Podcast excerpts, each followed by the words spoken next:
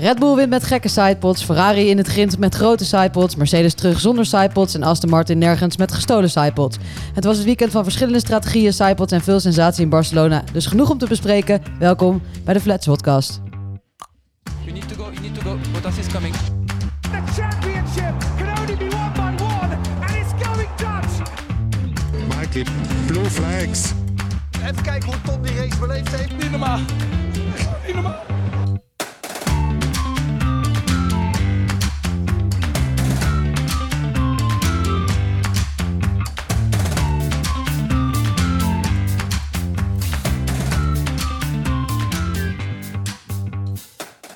Hallo allemaal en welkom bij alweer de zesde aflevering van de Side Podcast. Nee, Gaantje, gewoon weer de Flats Podcast. van het tweede seizoen, waarin de meest amateuristische experts van Nederland je bijpraten over de zin en vooral de onzin van de afgelopen Grand Prix. De Grand Prix van Barcelona. Ik ben Pien, vandaag jullie host. Jullie denken waarschijnlijk, waar is Bram gebleven? Maar die is even op vakantie. Dus we zijn weer een stuurloos eh, Steiners ship eigenlijk vandaag. eh, waar ik iets te veel creatieve vrijheid heb genomen. Dus het wordt een beetje rommelig. Maar gelukkig ben ik vandaag niet alleen. Want ik heb de zwagerbende meegenomen. P. en Bram en P. en Bernard. Die helpt mij vandaag met om alles in goede banen te leiden. Welkom. Ja, dankjewel. En P, dit is al wel een tijdje geleden dat, je, dat we samen zijn geweest. Hè? Want jij was even op huwelijksreis. Het voelt echt wel een beetje als mijn officiële rentree, ja. Maar eh, ik denk wel een week of vijf geleden is. Ik heb jullie gemist. Ik jou ook. Voelt het terug, goed om terug te zijn? Ja, voelt wel goed. Ja, zeker. Ik, eh, ben, de batterijtjes zijn weer opgeladen. Eh, echt een Formule 1 term is dat bijna. Hè? Batterijtjes opgeladen en we kunnen weer, kunnen weer verder. Wel een beetje race gekeken nog? Ik heb een race gekeken. Ik heb, eh, ik heb ook de race na de dag na mijn bruiloft gewoon eh, gekeken. Eh, Was je daar tevreden mee? Nou, het is een beetje geven en nemen toch wel, hè, natuurlijk. Ja, ja, ja, Dus eh, ik dacht, dat gaan we gelijk eens toepassen, kijken hoe het gaat. En dat verliep ver- ja, verrassend soepel. Ja. Ja. dat is mooi om te horen. En B, erg blij dat je weer bent. Ja, Inmiddels ben je onderdeel van ons eh, meubilair geworden. Dus daar ben ik erg tevreden mee. nou ja, leuk om er weer bij te zijn. Yes. Nou, laten we eigenlijk meteen gewoon eh, doorgaan naar eh, een stukje al race algemeen voordat we in de uitslag gaan duiken. De race algemeen, want Barcelona is eigenlijk een van de beste graadmeters die je kan hebben om de tussenstand op te maken tussen de teams. En eigenlijk even een potje te gaan evalueren of de nieuwe regels wel hebben gewerkt. Bernard, wat vonden we? Barcelona officieel geen saaie race meer? Ik vond het een leuke race. Ik heb echt eh, geschreeuwd naar de tv, ja. Eh, Barcelona is natuurlijk de afgelopen paar jaren traditioneel een beetje saaie race. Lastig in te halen. Ehm, en de coureurs en de teams kennen de baan ook heel goed, want we testen daar ook al, eh, al heel lang. Ehm, maar ja, zeker als je kijkt dus, naar die nieuwe regels. Het lijkt te werken. De auto's kunnen elkaar beter volgen en Barcelona is een leuke race geworden. Dit is wel echt een, een van de eerste grote bewijsstukken dat die nieuwe regels goed werken. Normaal was het echt een beetje polwinnaar wint zondag ook. En dat was nu gewoon echt, eh, echt totaal anders. Ik moet zeggen, er waren niet superveel plekken in de race waar je kon inhalen. Hè. Max heeft nog een keer bij Bottas op een exotische plek bocht 12 volgens mij ingehaald. De rest was vooral lange stuk, einde lange stuk. Maar veel meer, eh, veel meer sensatie. Dus dat, dat was echt eh toe te schrijven aan de nieuwe regels. En een goede manier om even de tussenstand van de teams even een beetje te gaan bekijken. Hè? Zijn jullie al iets wijzer geworden? Nou, wat mij, op, wat mij wel echt opvalt, is dat het gewoon nog steeds. ehm, er zijn nog steeds best wel veel betrouwbaarheidsissues. Ehm, dus je bent nog niet heel veel wijzer, omdat er gewoon per week nog best wel wat fluctueert. Dus nu valt Ferrari een keer uit, hè, die je toch een beetje betrouwbaar achten. Eh, Mercedes een beetje terug aan het komen, maar toch ook weer op het eind koelingsproblemen. Max had zaterdag ook weer een, betrouwbaarheidsissue. Dus ja, je wordt steeds wat wijzer, maar tegelijkertijd weet je nog steeds niet wie er het beste voor staat. Ik denk de eerste die echt zijn auto volledig begrijpt, ja, die, eh, die mag die spek kopen. Maar voor mij, Ferrari, Ferrari is wel echt de snelste, vind ik. Eh, zeker op de zaterdag. Je ziet wel dat ze wat moeite hebben met, de met de banden om die eh, niet te laten overheaten. Maar eh, ja, die zitten dicht bij elkaar. En Mercedes heeft echt een stap gezet, hè? Ja, zeker. Daar gaan we zo meteen nog op terugkomen. En voordat we nog even verder gaan, eh, Bram, even, eh, jeetje, ik zeg het, Bram, ik ben het gewoon gewend. P, eh, eh, ik vond namelijk even een toevoeging, daar moest ik jou toch heel even op gaan wijzen, namelijk die eh, nieuwe camera angles. Dus ik weet dat jij al een hekel hebt aan de visor cams. Nou, er zijn er nog twee bijgekomen hoor. Ja, dus de, de, de drone cam is erbij De gekomen. drone cam en heb je de hoofdschuddende eh pitstop cam, heb je die, heb je die ook? Oh, die, heb ik dan, eh, die is me dan misschien even een beetje eh, buiten mijn radar gebleven. Maar de drone cam, ja, ik ben kritisch, eh, zoals je weet, eh, op, op nieuwe camerabeelden. Eh, die, helm, die helmcam inderdaad voegt voor mij weinig toe, want ik zie alleen maar uh, gestuiter en geschud. Maar die dronecam, ja, die hing ook niet helemaal steady. Ga, eens maar, ga, eens, ga maar eens met een drone op 300 km per uur achter een auto aan vliegen. Dat is ongelooflijk. En dat steady houden. Ja, ik vond het nog redelijk goed vliegwerk. Maar voor mij was dat geen eh, toevoeging. Ik heb vooral alleen maar gras gezien. Maar wat was er dan nog met die... eh, met, heb jij een pitcam of zo? Ja, er was een soort van camera die ging op een gegeven moment achter de pitstop van Hamilton aan. Die was zo hard aan het schudden dat je er helemaal verwisselijk van werd. Wat ik wel vet ca camerawerk vond, maar dat was niet zozeer een nieuwe camera, denk ik, maar iemand, een, een creatieve cameraman die draaide een keer zijn hele camera eh 360 terwijl er een, een band eh, van een auto werd geschroefd. Dat vond ik dan wel weer vet. Dat, dat is voor mij dan even het pluspuntje van eh, het regiewerk van gisteren. Wat mooi. Zijn er nog andere dingen die ons zijn opgevallen voordat we verder gaan? Geen, speed, geen speedboot in nepwater, dus het was toch allemaal redelijk... Rustige, normale... Nou, het was wel echt een hele leuke race trouwens. Het was een superleuke, echt een hele leuke race. Ja. Goede Ja. Formule 1 race. Nou, dan gaan we denk ik gewoon meteen door naar de uitslag. Ehm, en dat is de winnaar van de race. Ja, eh, Max eh, Verstappen. En eh, dat was toch wel een beetje een race van de uiterste. Hè? Want na een foutje in bocht 4 in het begin van de race raakte Verstappen in de grindbak. viel terug van P2 naar P4 en leek het erop, mede omdat Leclerc gewoon een hele goede race reed op dat moment, dat P2 het maximaal haalbare was. Maar dan moest wel even afgerekend worden met George Russell. En dat bleek toch een hele lastige kluif. Zeker omdat bij Max de DRS niet werkte. En dat zorgde voor de nodige frustraties eh, bij Max eh, op de boordradio. DRS did not open. No, the DRS. Man, we can't even make a DRS work, man. Unbelievable. Okay, Max, you've got DRS. Uh, we are watching Russell. Just be careful. No, no. My DRS is not working, mate. Max, I think you may have closed it last time around. Because I'm pressing it 50 times before it opens. Hij is echt helemaal klaar mee. Ja, maar mooi, ik, ik zat te denken of dit nou een goede vergelijking was, maar ik zat vanmiddag te denken, als ik in een smalle supermarktgang loop en voor mij loopt bijvoorbeeld een oude persoon heel traag en ik heb haast, ja, dan vreet ik me al helemaal op zeg maar die vijf seconden dat dat duurt. Maar als je zeg maar tien ronden achter George Russell zit en je weet dat je sneller bent, maar die klep gaat niet open, ja, dan word je dus echt Ja, helemaal dan gek. word je ook helemaal gek. Ik, ik, ik, ik had een beetje dezelfde vibes die je kreeg als je dus een oude iPhone hebt en dan probeer je dus daar een oplader in te steken, maar hij werkt niet. Dus je, je drukt hem 50 keer, één keer, je drukt hem half, je drukt hem net niet, je drukt hem naar de curbs en het allemaal werkt niet. Zo voelde ik het een beetje. Ja, maar en dan- Het, het gebeurt wel vaak, hè, dit. Dit is vorig jaar ook gebeurd, hè? Het is toch niet zo heel moeilijk want dat zijn DRS niet open is. Dat voor Ja, niet, niet bij Max, maar gewoon in het algemeen. Dat DRS, dit, het komt wel eens voor dat het niet werkt. Maar het lijkt inderdaad zo'n zo'n simpel, eh, het simpele deel van de auto. Ja, Daarom toch? ging Max over de rooien. Eh, maar goed, eh, nadat die klep gefixt was en eh, Leclerc uitviel, waar we straks nog even op komen, en Red Bull een teamorder gaf aan Perez, kwam Verstappen uiteindelijk wel als eerste over de finish en pakte hij eh, zijn vierde overwinning van het seizoen. Eh Bernard, ik hoorde jou iets zeggen over eh, de strategie van Red Bull. Daar, wat, wat, was je, wat is je opgevallen? Ja, in het algemeen, omdat eh, Pirelli voor die zachtste compounds heeft gekozen, dat opende gewoon de mogelijkheid tot echt andere strategieën. Dus toen inderdaad Max achter Russell vast zat, besloot ze bij Red Bull, haal hem naar binnen op softbanden. Dan gaan we in een korte stint helemaal trappen. Dat vond ik misschien nog wel het leukste van de race. Dat je echt, je zag die rondetijd gewoon per, eh, per update. En dat gebeurde dan tien keer per rondje. Gingen elke keer een tiende vanaf of twee tienden vanaf. Ja. En dan reed hij echt gewoon als een, als een speer naartoe.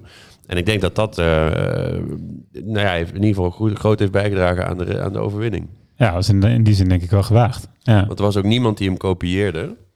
Nee, ze Eh, moesten wel, toch? Want ik bedoel, de DRS ging niet open. Het was overduidelijk dat hij er niet langs ging komen. Dus dat vind ik dus wel heel leuk. En Red dat- Bull, die schakelen wel dat is echt vrij snel, is vrij snel besloten om dat inderdaad te doen. En dat, eh, dat doet Red Bull vaker, dit soort goede beslissingen.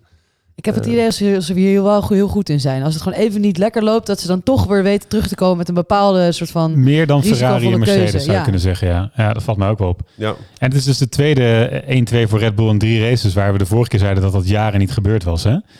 Eh, en eh Checo, dat, was, eh, dat vond ik nog wel een beetje opvallend. Die was wel echt een beetje aan het, eh, aan het zeiken over de, op de teamradio. Maar het is ook, hij is ook wel zo weer zo bot opgeofferd. Het, ik maar, hij mag er eigenlijk niet. Dus de, ja, ik ben benieuwd wat jullie ervan vinden. Vinden jullie dat hij zeikt terecht? Of vinden jullie dat hij zijn mond moet houden?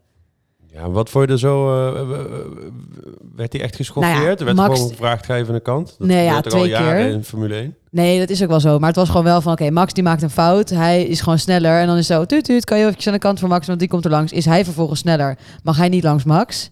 Hij had eigenlijk misschien wel, in ieder geval in zijn optiek en andere eh, meningen, had hij wel die race kunnen winnen. Als Ja. hij niet weer twee keer aan de andere kant geschoft werd Kijk, hij, door moet, hij moet de races winnen als Max eh, uitvalt. Dan moet Ja, precies, want dat is dus het enige. Ik hoorde ook iemand zeggen, het is het allerslechtste om in te zetten op Unibet, op Sergio Perez. Want dan moet je eigenlijk dus, als Max uitvalt, dan mag je pas winnen. Kijk, of, of, of, of hij had gewonnen op die, op die strategie ten opzichte van Max met drie stop, dat, dat weet ik niet. Maar het is wel zo, je kan hem omdraaien. Als, als Max in Checo's auto zat, dan had hij er, eh, had hij er langs gemogen. Zoveel is wel duidelijk. Ja. Dus het is wel geteamorderd. Een beetje verkapt, hè? You are on a different strategy.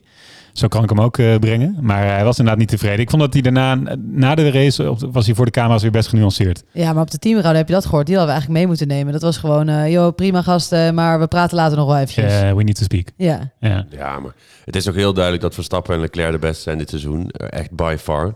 ja. Eh, ja, dat is ook, als je ziet hoe, hoe snel zij wegreden, zeg maar met z'n tweeën al vanaf de rest van het veld, dat is ook wel echt waar. Maar wel weer door Sergio Perez heeft Max wel deze race kunnen winnen.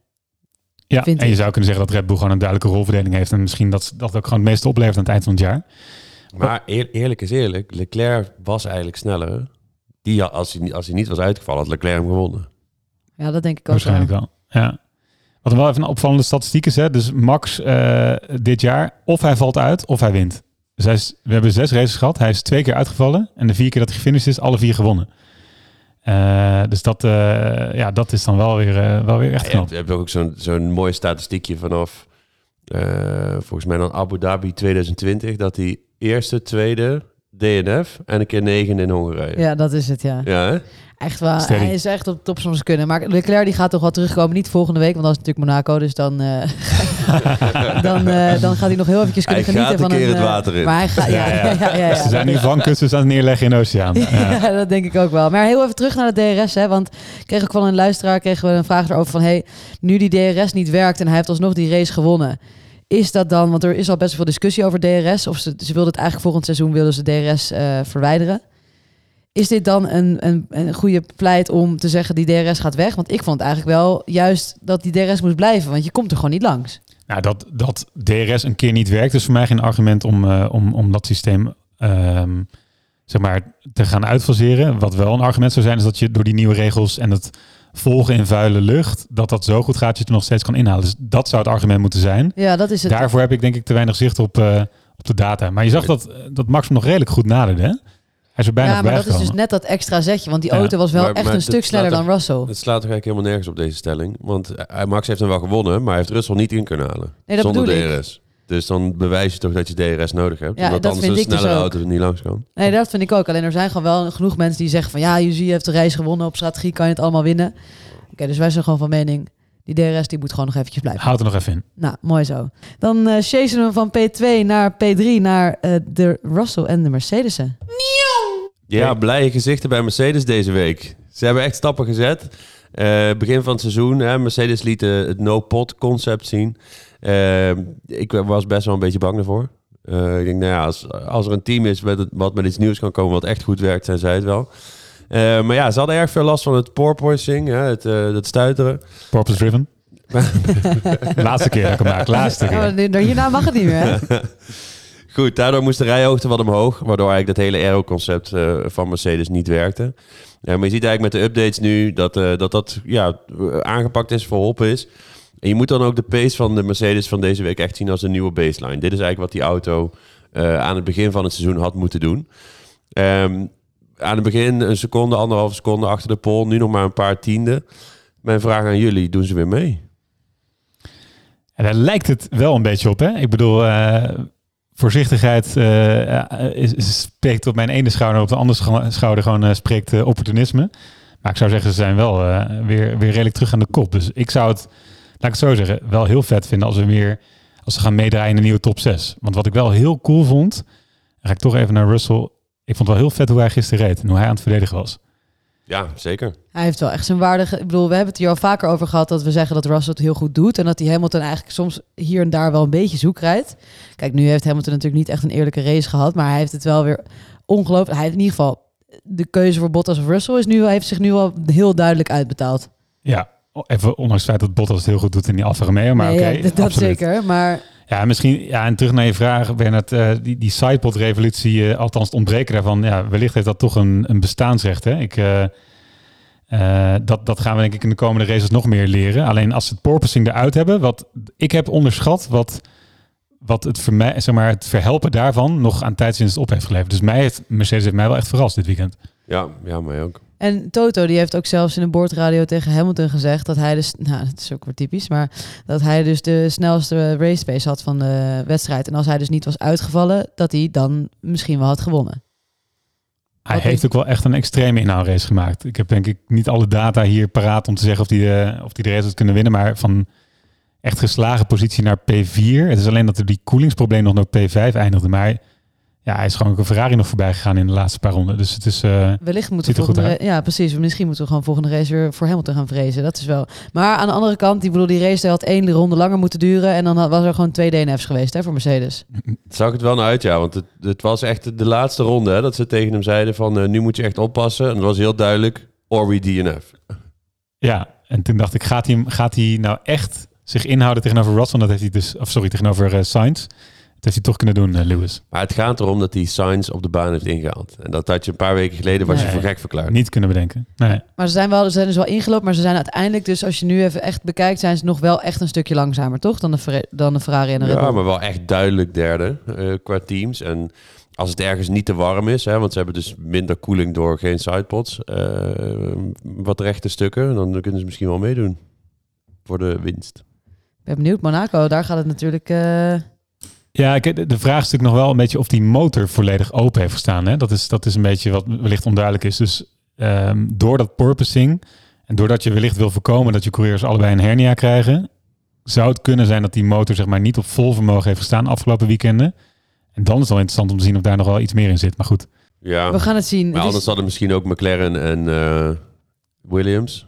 die eh, hadden nog op vol vermogen al kunnen zetten. Ja, dat is waar. Ja. En daar is in ieder geval wel eventjes iets misgegaan, want die stonden allemaal, in ieder geval Williams, even- die stonden stijf achteraan. dat is niet normaal. Goed. Ehm, en jij hebt over Russell nog maar eventjes. Ik ben altijd best wel kritisch op hem geweest. Eh, eigenlijk alleen maar dingen laten zien tegen toch wel erg zwakke eh, teamgenoten. Eh, maar ja, hij stapt gewoon in die auto en hij is eigenlijk gelijk net zo snel als Hamilton, hè? Gewoon vanaf, vanaf de eerste race al eigenlijk. Ja, kijk, ik, ik, ik heb een fragmentje van mezelf niet meegenomen van vorig seizoen. Maar weet wat helpt als je nou altijd genuanceerd bent, was dat ik volgens mij nog wel genuanceerd was over Russell. Als ja, in maar die kan nog best wel eens... Nee, maar volgens mij, eh, ja goed. Zijn stukken van Hij mij te vinden in de ik, had hem, ik, had hem, eh, ik heb hem kansen gegeven en eh, wat dat betreft stelt hij me niet teleur. En, eh, en dat is denk ik ook wel omdat hij gewoon... Hij is, hij is de, de rising star. Hamilton moet leren om, eh, om te verliezen. Russell is wel... Die vindt het prima om top 10 te rijden. Kijken naar waar hij vorig jaar vandaan komt. Maar Russell heeft wel altijd gezegd ook al, hè, van eh, Hamilton is de kampioen en eh, ik kom eigenlijk maar even kijken. Dus hij, hij heeft eigenlijk al aangegeven van, als hij hem gevraagd om aan de kant te gaan zoals ze aan Perez vroegen, dan doet hij dat met, eh, met een glimlach. Ja, vind ik sowieso. Maar hij eh, he defended like a, like a lion eh, Ja, gisteren. Dat, dat- eh, Inderdaad, iemand heeft Alonso's tekst Ik- overgenomen. Maar ik vond hem ook erg, erg fel. Ik vond het echt leuk om te zien hoe hij verdedigde ten opzichte van Max. Want hij heeft niets. Hij, hij, moest, hij kon eindelijk een keer laten zien wat hij waard was. En dat heeft hij echt volledig laten zien. Ja, iemand zei zelfs Schumacher-achtige verdedigingsmoves. Dus dat is mooi.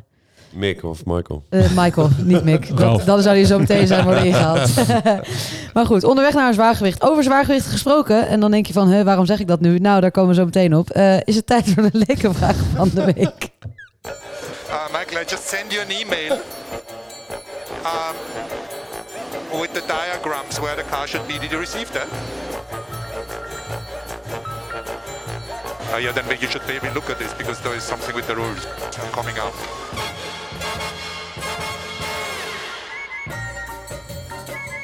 Ja, want de leuke vraag van de week, waarin Peter elke race een vraag beantwoordt. Maar dat is deze race, Bernard. Toch ben je overruled door je clean brother.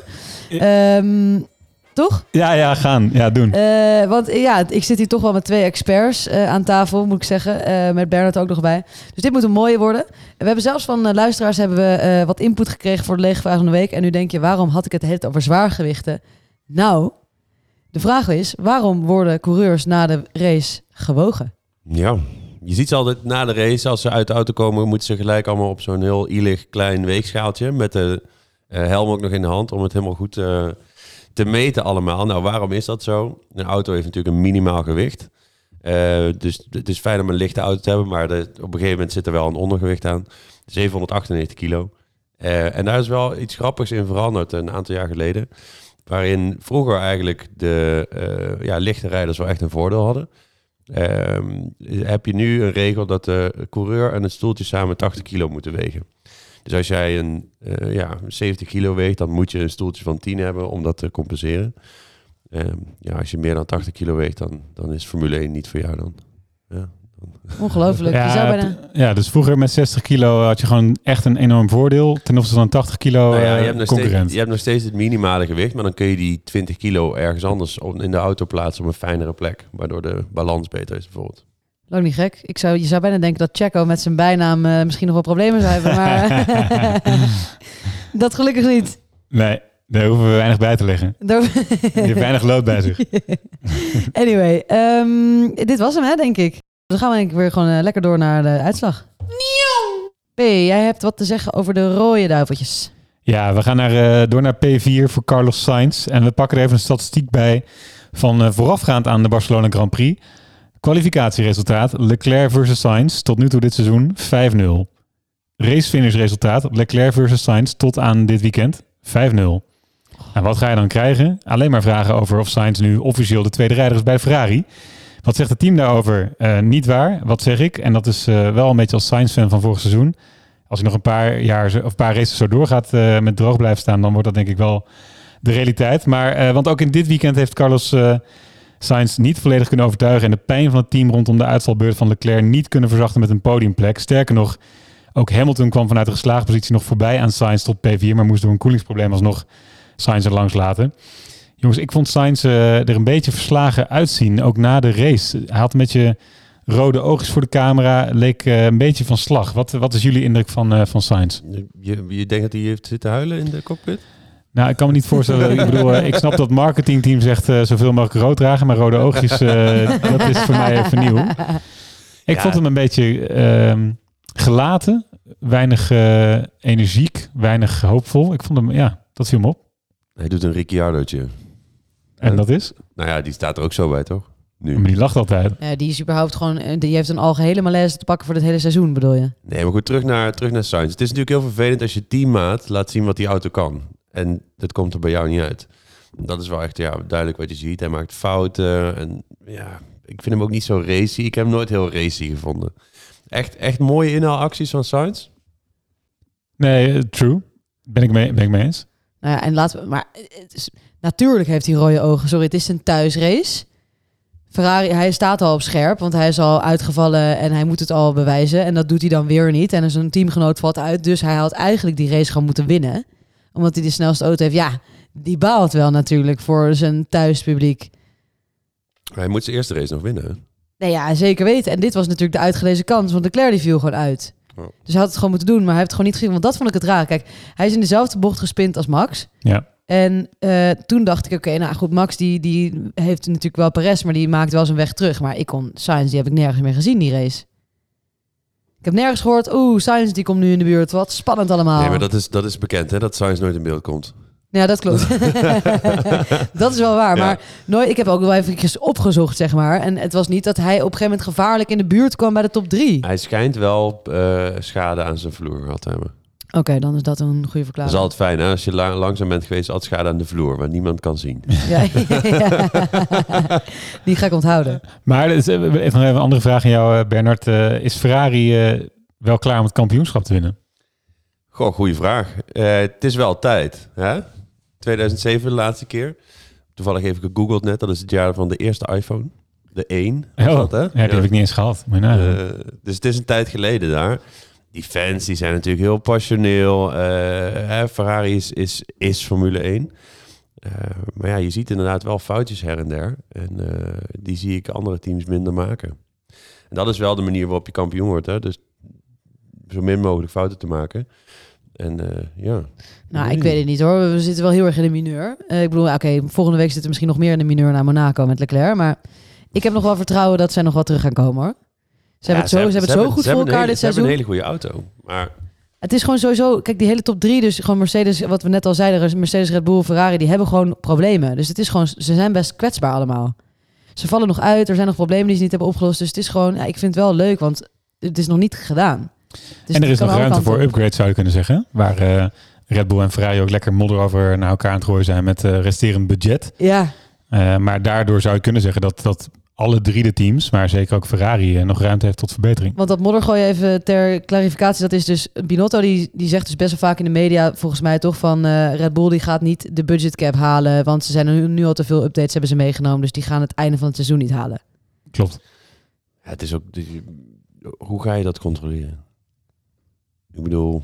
ja, Daar moet toch wel iets voor, als je een regel inzet, dan moet je daar toch wel een soort van controlecommissie voor hebben. Je kan het natuurlijk nooit helemaal precies achterhalen. hè. Als ik... eh, Stel, ik, stel ik, eh, ik vraag aan een, aan een eh, subcontractor om iets te ontwikkelen voor mij en daar betaal ik hem 1 euro voor. Ik bedoel, ja. Ja, de, de, de, het beroe- de beroepsgroep waar je het minste creativiteit aan toedicht, eh, zijn toch vaak het meest creatief in, creatief in boekhouders. hun uitvoering. Ja. Ja, dus Ja. ik vind het ook een lastig te controleren Ja. eh, regel. Ja. Dat is waar. Nou goed, over lastig te controleren regels en eh, copycats gesproken. We gaan denk ik door naar het volgende team. Want dit team, Aston Martin genaamd, ook wel de groene Red Bull dit keer, die hebben toch wel weer eventjes wat geflikt hoor. Heel even een klein beetje achtergrondinformatie voordat ik weer bij de race uitkom. Eh, bijna alle teams hebben natuurlijk updates meegebracht. eh, maar Aston Martin die heeft wel een hele bijzondere update gebracht. Ik weet niet of jullie nog kan herinneren, maar in 2020 hadden ze natuurlijk de roze Mercedes gemaakt. En dit jaar heeft Aston Martin weer iets heel bijzonders uit de hoge hoed getoverd. Ze zijn dit weekend namelijk met een totaal nieuwe auto aangekomen en niet zomaar een. Het is namelijk een kopie van de Red Bull. Ehm, in 2020 dachten we nog van, hey, eh, Lawrence Stroll die is maten met Toto Wolff, dus die heeft gewoon de tekeningen gezien.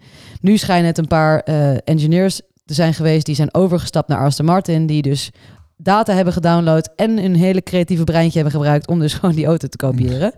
Zo erg zelfs dat de FIA een officiële eh, investigation heeft aangekondigd, maar de auto is legaal verklaard.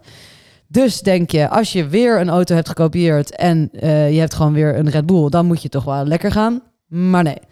P11 en P15 is eh, eigenlijk wat ze hebben kunnen regelen voor zichzelf dit, deze race. Dus ja, ik snap het ook wel. Ze moeten nog even wennen aan in een Red Bull rijden. Ehm, maar goed, wat vinden jullie van zo'n strategie die Aston Martin gewoon weer hanteert? En dat is gewoon eigenlijk eerst kijken, dan kopen. Ze zijn echt precies hetzelfde, hè? Precies zo.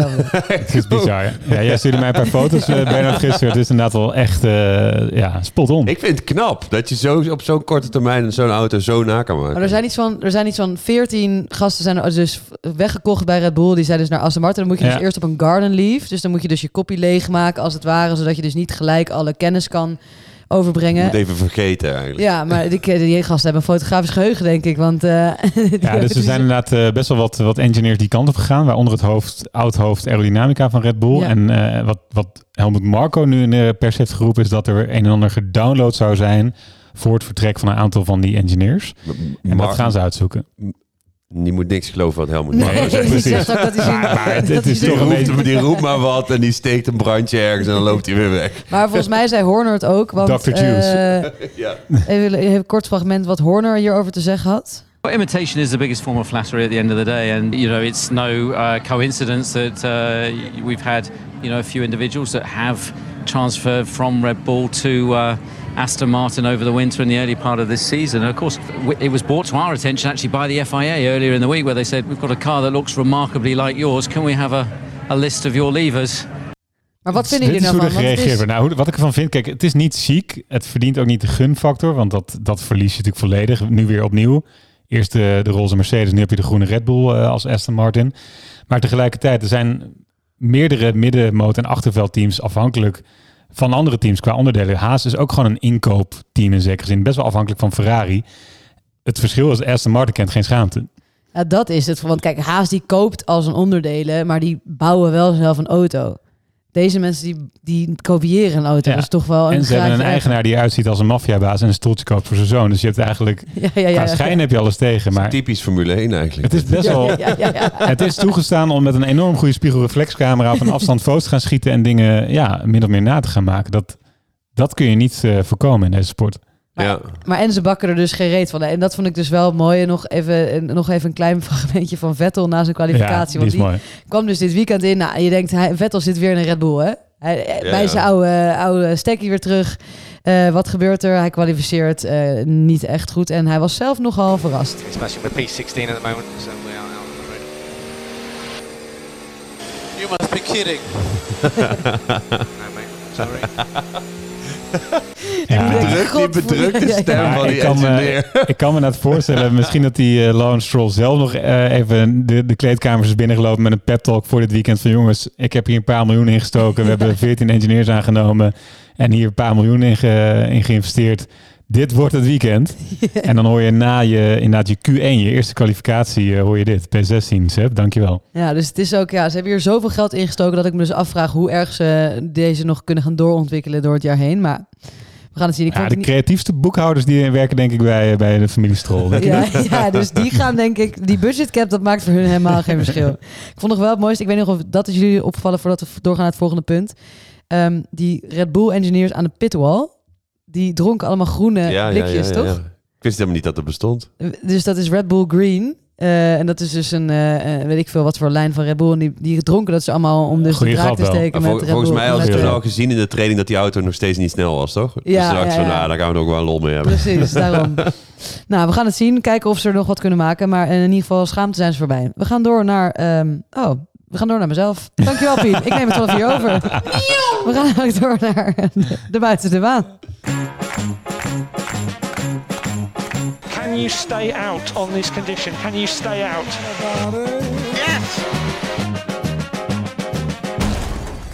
Ja, want we gaan weer eventjes terug naar mij. Ehm, vanuit mij. Want ik eh, doe altijd normaal de rubriek buiten de baan. Nu moet ik mezelf host. Ik vind het eigenlijk een beetje een vreemde gewaarwording.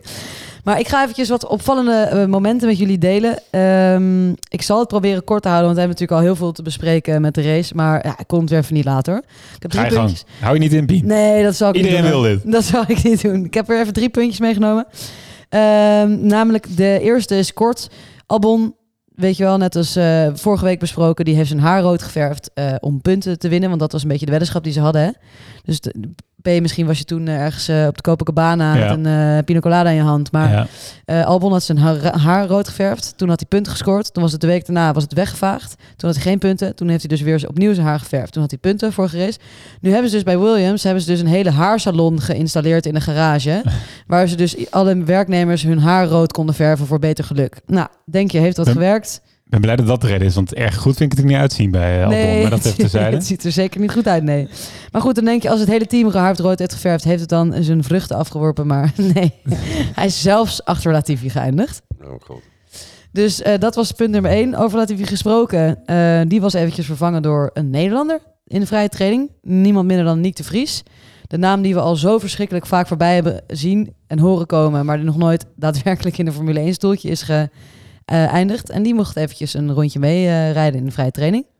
Ja, en ik, eh, Pien, nu jij toch een beetje in die hostrol zit. Ik heb toch even wat achtergrondinformatie voor, eh, over Nick de Vries eh, gezo- eh, eh, uitgezocht. Oh, ons Frieser trots. Ons Friese trots, ja. Want eh, voor de luisteraars die misschien niet zo goed kennen, waaronder ik zelf eh, tot voor kort. eh, Nick de Vries is geboren in Uit-Wellingerga. Wat- wat- dat ligt, Ga je nu zijn vlakbij Heerenveen. Wikipedia-pagina voorlezen? Nou, ik heb het, nou, nee, ik heb een aantal mooie bronnen. Wacht, eh hold on. We beginnen bij de. Ja. Onze vriend is 27 jaar oud. En eh, goed, even, even twee eh, te- serieuze puntjes. Formule E-kampioen en Formule 2-kampioen geweest. Dus hij heeft wel echt wel een goed cv. Eh, vriendin schijnt eh, Eva Bruggenweer te zijn. Niet relevant, eh, maar ik vond het wel leuk dat ze zeiden... Behalve van autosport houdt ze ook van reizen. Een gevoel, heeft een gevoel voor mode en houdt van avontuur. Dus dan weten we dat ook weer. Dat komt van spelersvrouw.nl. en nog even een, eh, een, een, zo'n juicy engert. detail. En ik had nooit gezegd eh, dat ik eh, met de juicy details zou komen. Maar het schijnt dus dat de zus van Nick de Vries... heeft een relatie gehad met George Russell. Dat klopt. En ik dacht dat, we, dat de, de cirkeltjes al wel rond waren, zeg maar, met, eh, met eh, Max eh, en de familie Piquet. Maar eh, dat gaat natuurlijk nog wel even door zo op deze manier. Ja, dat eh, schijnt, ja. En dat kwam dan weer van uh, sterrenoptv.nl. Jij bent echt zo griezel. Dit is gewoon drie minuten googlen, Pien. Dat doe je ook elke week. Ja, Dus de familie De Vries is goed geëmbed in de Formule 1-wereld, wil je zeggen? ja, ja zeker, zeker. En met name de zus van Nick, eh, begrijp ik, hè? Want die... eh, je, moet wat, hè, als je het hele jaar toch eh, met, met het circus meereist. ja, Eh, oh ja, dit vond ik eigenlijk heel verrassend. In dit, hier, nou, ik ben blij dat ik hierbij ben gekomen. Niet alleen Leclerc heeft verloren, maar hebben jullie gehoord dat Drake, eh, of all people, ook flink wat duitjes heeft verloren. Want die had namelijk 300.000 euro ingezet op de winst van Leclerc. Die had getweet van, oh, eerste keer wedden in Formule 1. Laten we even kijken hoe dat is gaan. Nou, niet echt lekker. Dus die is drie ton verloren met deze race. is het weer tijd... eh, Is het weer, mag ik weer een domme vraag stellen? Ja. Wie is Drake? Ik wist het. Wie is dat? Wie is dat? Serieus? dat ga ik gewoon niet eens beantwoorden. Oké. Ik, moet je eh, maar go- eventjes ga ik, wel- ga even wat relevantere dingen googlen. Kijk, we, kijk we even op spelersvrouwen. Kijk maar even op sterren. sterren. Echt. we gaan ik maar weer door. Perfecte teken. En voordat we naar het ultimum van onze podcast gaan, namelijk Luke's debrief, ehm, toch nog even een paar honorable mentions. Namelijk ehm, Norris, die was ziek. Ehm, en toch rijdt Ricciardo alsnog zoek. P8. Ricciardo, dat Ja, er komt zijn gewoon dus, niet meer eh, goed, hè? Maar er zijn dus een aantal geruchten geweest over wat met Norris aan de hand was. Hè? Want hij, je zag hem gebogen staan. Nou, alsof hij eh, even nog een kilootje gewicht wilde, eh, wilde loslaten voor, voor de race. En er gingen geruchten rondom hooikoorts en eh nog wat andere. Maar het waren dus ontstoken amandelen voor de nieuwsgierige Ja. luisteraar. Dus dat is eh, dat je denkt, niet heel lekker met 34 graden buiten. Maar alsnog zijn teamgenoot verslagen. Dus die Ricciardo die is volgens mij echt zijn beste tijd voorbij. Bottas natuurlijk nog steeds eventjes living his best life in de Alfa Romeo. En Gasly die was eventjes heel erg zoek.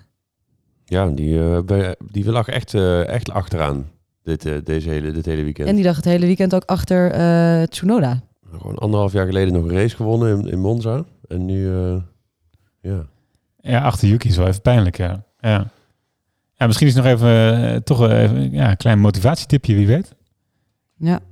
Ah, we schrijven hem nog niet af, vind ik vroeg wel, Nee. hoor, Gasly. Als je vorig jaar zo'n jaar eh, zo lang eh, goed rijdt. Nee, dat is goed. Wat genuanceerd. Maar hou hem wel in de gaten, dat is wel... eh, We houden hem in de gaten. Volgende Ja. keer komen we misschien wel terug. Maar heel even voordat we nog doorgaan. Dus we hebben eigenlijk een beetje een tussenstand hè, nu. Als je het zo eventjes bekijkt naar deze race. Dus we hebben Red Bull en Ferrari bovenaan. Mercedes als derde An- team. ander- andersom, Ferrari, Red Bull. Ferrari, Voor mij. Red Bull? Ja, toch? Nou ja, nee, Red Bull, Ferrari voor Nee, mij. Kijk, constructeurskampioenschap, hallo. Die Ja, we staan hebben het even over teams. Hè? Ah, Dus... Oké, ja, nee, maar hebben we het over hoe snel de auto is of hoeveel punten Maar- Nee, rijders nee, nee. pakken? We, gewoon niet, niet over de punten, maar gewoon wie, wie voor ons, ons eventjes de beste teams zijn. Ferrari 1. Ja, eh, oké. Nou, oké. Red Bull Daar valt één. over te Ja. twisten. Oké, Ferrari en, en of Red Bull 1 of 2. Mercedes plek 3, heel duidelijk. Dus dat is wel, die hebben dat gewoon weer teruggewonnen. Bottas is eentje op nummer 4. Maar dat is wel mooi. Dan heb je net drie teams genoemd en dan noem je Bottas. Ja, natuurlijk. Joe maakt niet uit, hè? Nee, nee, nee. Nee, ik heb het gewoon... eh, Alfa Romeo staat hier gewoon helemaal Bottas het, Bottas is het vierde team op dit Bottas is het vierde team. Ja. Die draagt in zijn eentje een heel team. Alpine, eh, die hebben we niet genoemd, maar die waren wel ongelooflijk snel eh, deze Solide, race. solide auto. Ocon doet het goed dit jaar. Bij Alonso gaat het elke keer mis, maar dat, die auto ziet er goed Die uit. auto ziet er echt Ja, goed maar uit. dat roepen nu al zes races dat die auto er goed uitziet. Maar en iedereen noemt dat het er niet uitkomt. De potentie van Alpine, dat is ook echt zo'n mysterie. Misschien de Ja, volgende maar keer ja, ik bedoel. Alonso deed mee om pole position. Ja, maar hij eh. startte weer van achteraan. Ja, maar... Nou, ik vind wel, Alpine die mag echt wel boven, want die- hierna krijg je namelijk een soort van brei aan middenveld. Namelijk Alfa Tauri, McLaren, Aston Martin en Haas. Dan heb je Nou, heel maar lang... Van, maar van, van, van die heb je Alfa Tauri en Aston Martin staan onderaan. En, en Haas en McLaren staan daar wel boven, toch? Ja, Haas, Haas is. wel een beetje eh, Haas- zeker middenveld Haas- geworden. Haas, joh, die waren gewoon Q3, hè? Deze, dat is heel mooi. Zo, mooi. als Bram dit luistert, die Zelfs draait zich met helemaal Mick om op zijn- Schumacher erin. Mick in Q3. Mick in Q3. maar Mick moet nog wel een beetje punten gaan rijden nu. Ja, nee, dat moet hij wel echt gaan doen. Maar ja, misschien, wie weet, hè, komt hij net als Russell bovenop. Bram die luistert denkt, wat is het een chaos, joh. Ik moet weer snel terugkomen van vakantie. Ik volg goed, het nog. Dan Ja. heb je dus die eh, middenveldteams, dan heb je heel lang stilte, stilte, stilte. En dan heb je Williams.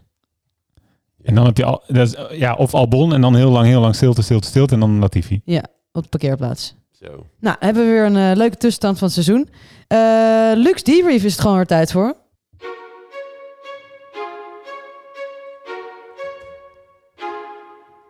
Fernando made it pretty clear. He said you have to leave it the space. All the time you have to leave it the space.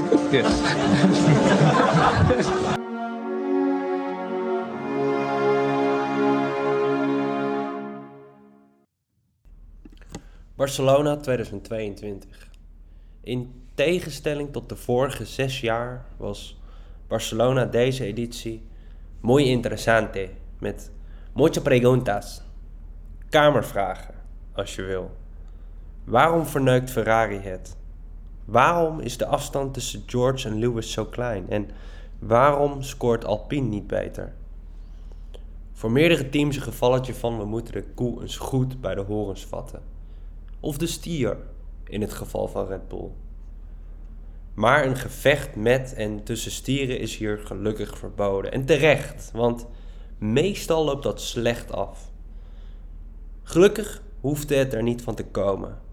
Happy for the team, but we need to speak later. Dus, ¿qué más? Nou, más. Denk aan die domme, schokkende droombeelden die niks bijdragen. Klepjes die kapot zijn en alleen open te krijgen zijn op een bepaalde manier op knopjes te rammen. Imas? Zie? Max? Ja? Maxi? Na dit weekend gewoon weer op één, zoals het hoort. Gaan we door naar de vooruitblik. Monaco. P, ik heb je zo gemist. Ik ben blij dat je er weer bent, want dan heb, jij, heb je weer eindelijk iets Als er al voorbereid. iemand even deze rubriek kan voorbereiden. ja. Nou, ik wilde zeggen, ik ga mijn Viaplay scherm, dat kun je vastzetten op een coureur. Ik denk dat ik mijn Viaplay scherm eens even op, eh, op Leclerc ga zetten. Want ja, als die nu nog een jaar op rij, zeg maar, crasht, of op een manier die, die Monaco zijn eigen thuisrace om zeep helpt, dan is het gewoon een permanente vloek geworden, toch? Nou ja, laten we heel even terugblikken naar twee weken geleden, waar hij in die iconische auto van Niki Lauda ook over Monaco circuit eh, reed. En Ook gewoon die in de vangrail. die in de vangrail heeft gereden. Ja. Ja, verder heeft Monaco even wat bredere. de- let weer op de decadentie, zou ik zeggen. We hebben vorig jaar hard gelachen, volgens mij, om die. eh, wat was dat voor. eh Die voor Louis gekke tof- Vuitton Louis, beker. Louis Vuitton kast.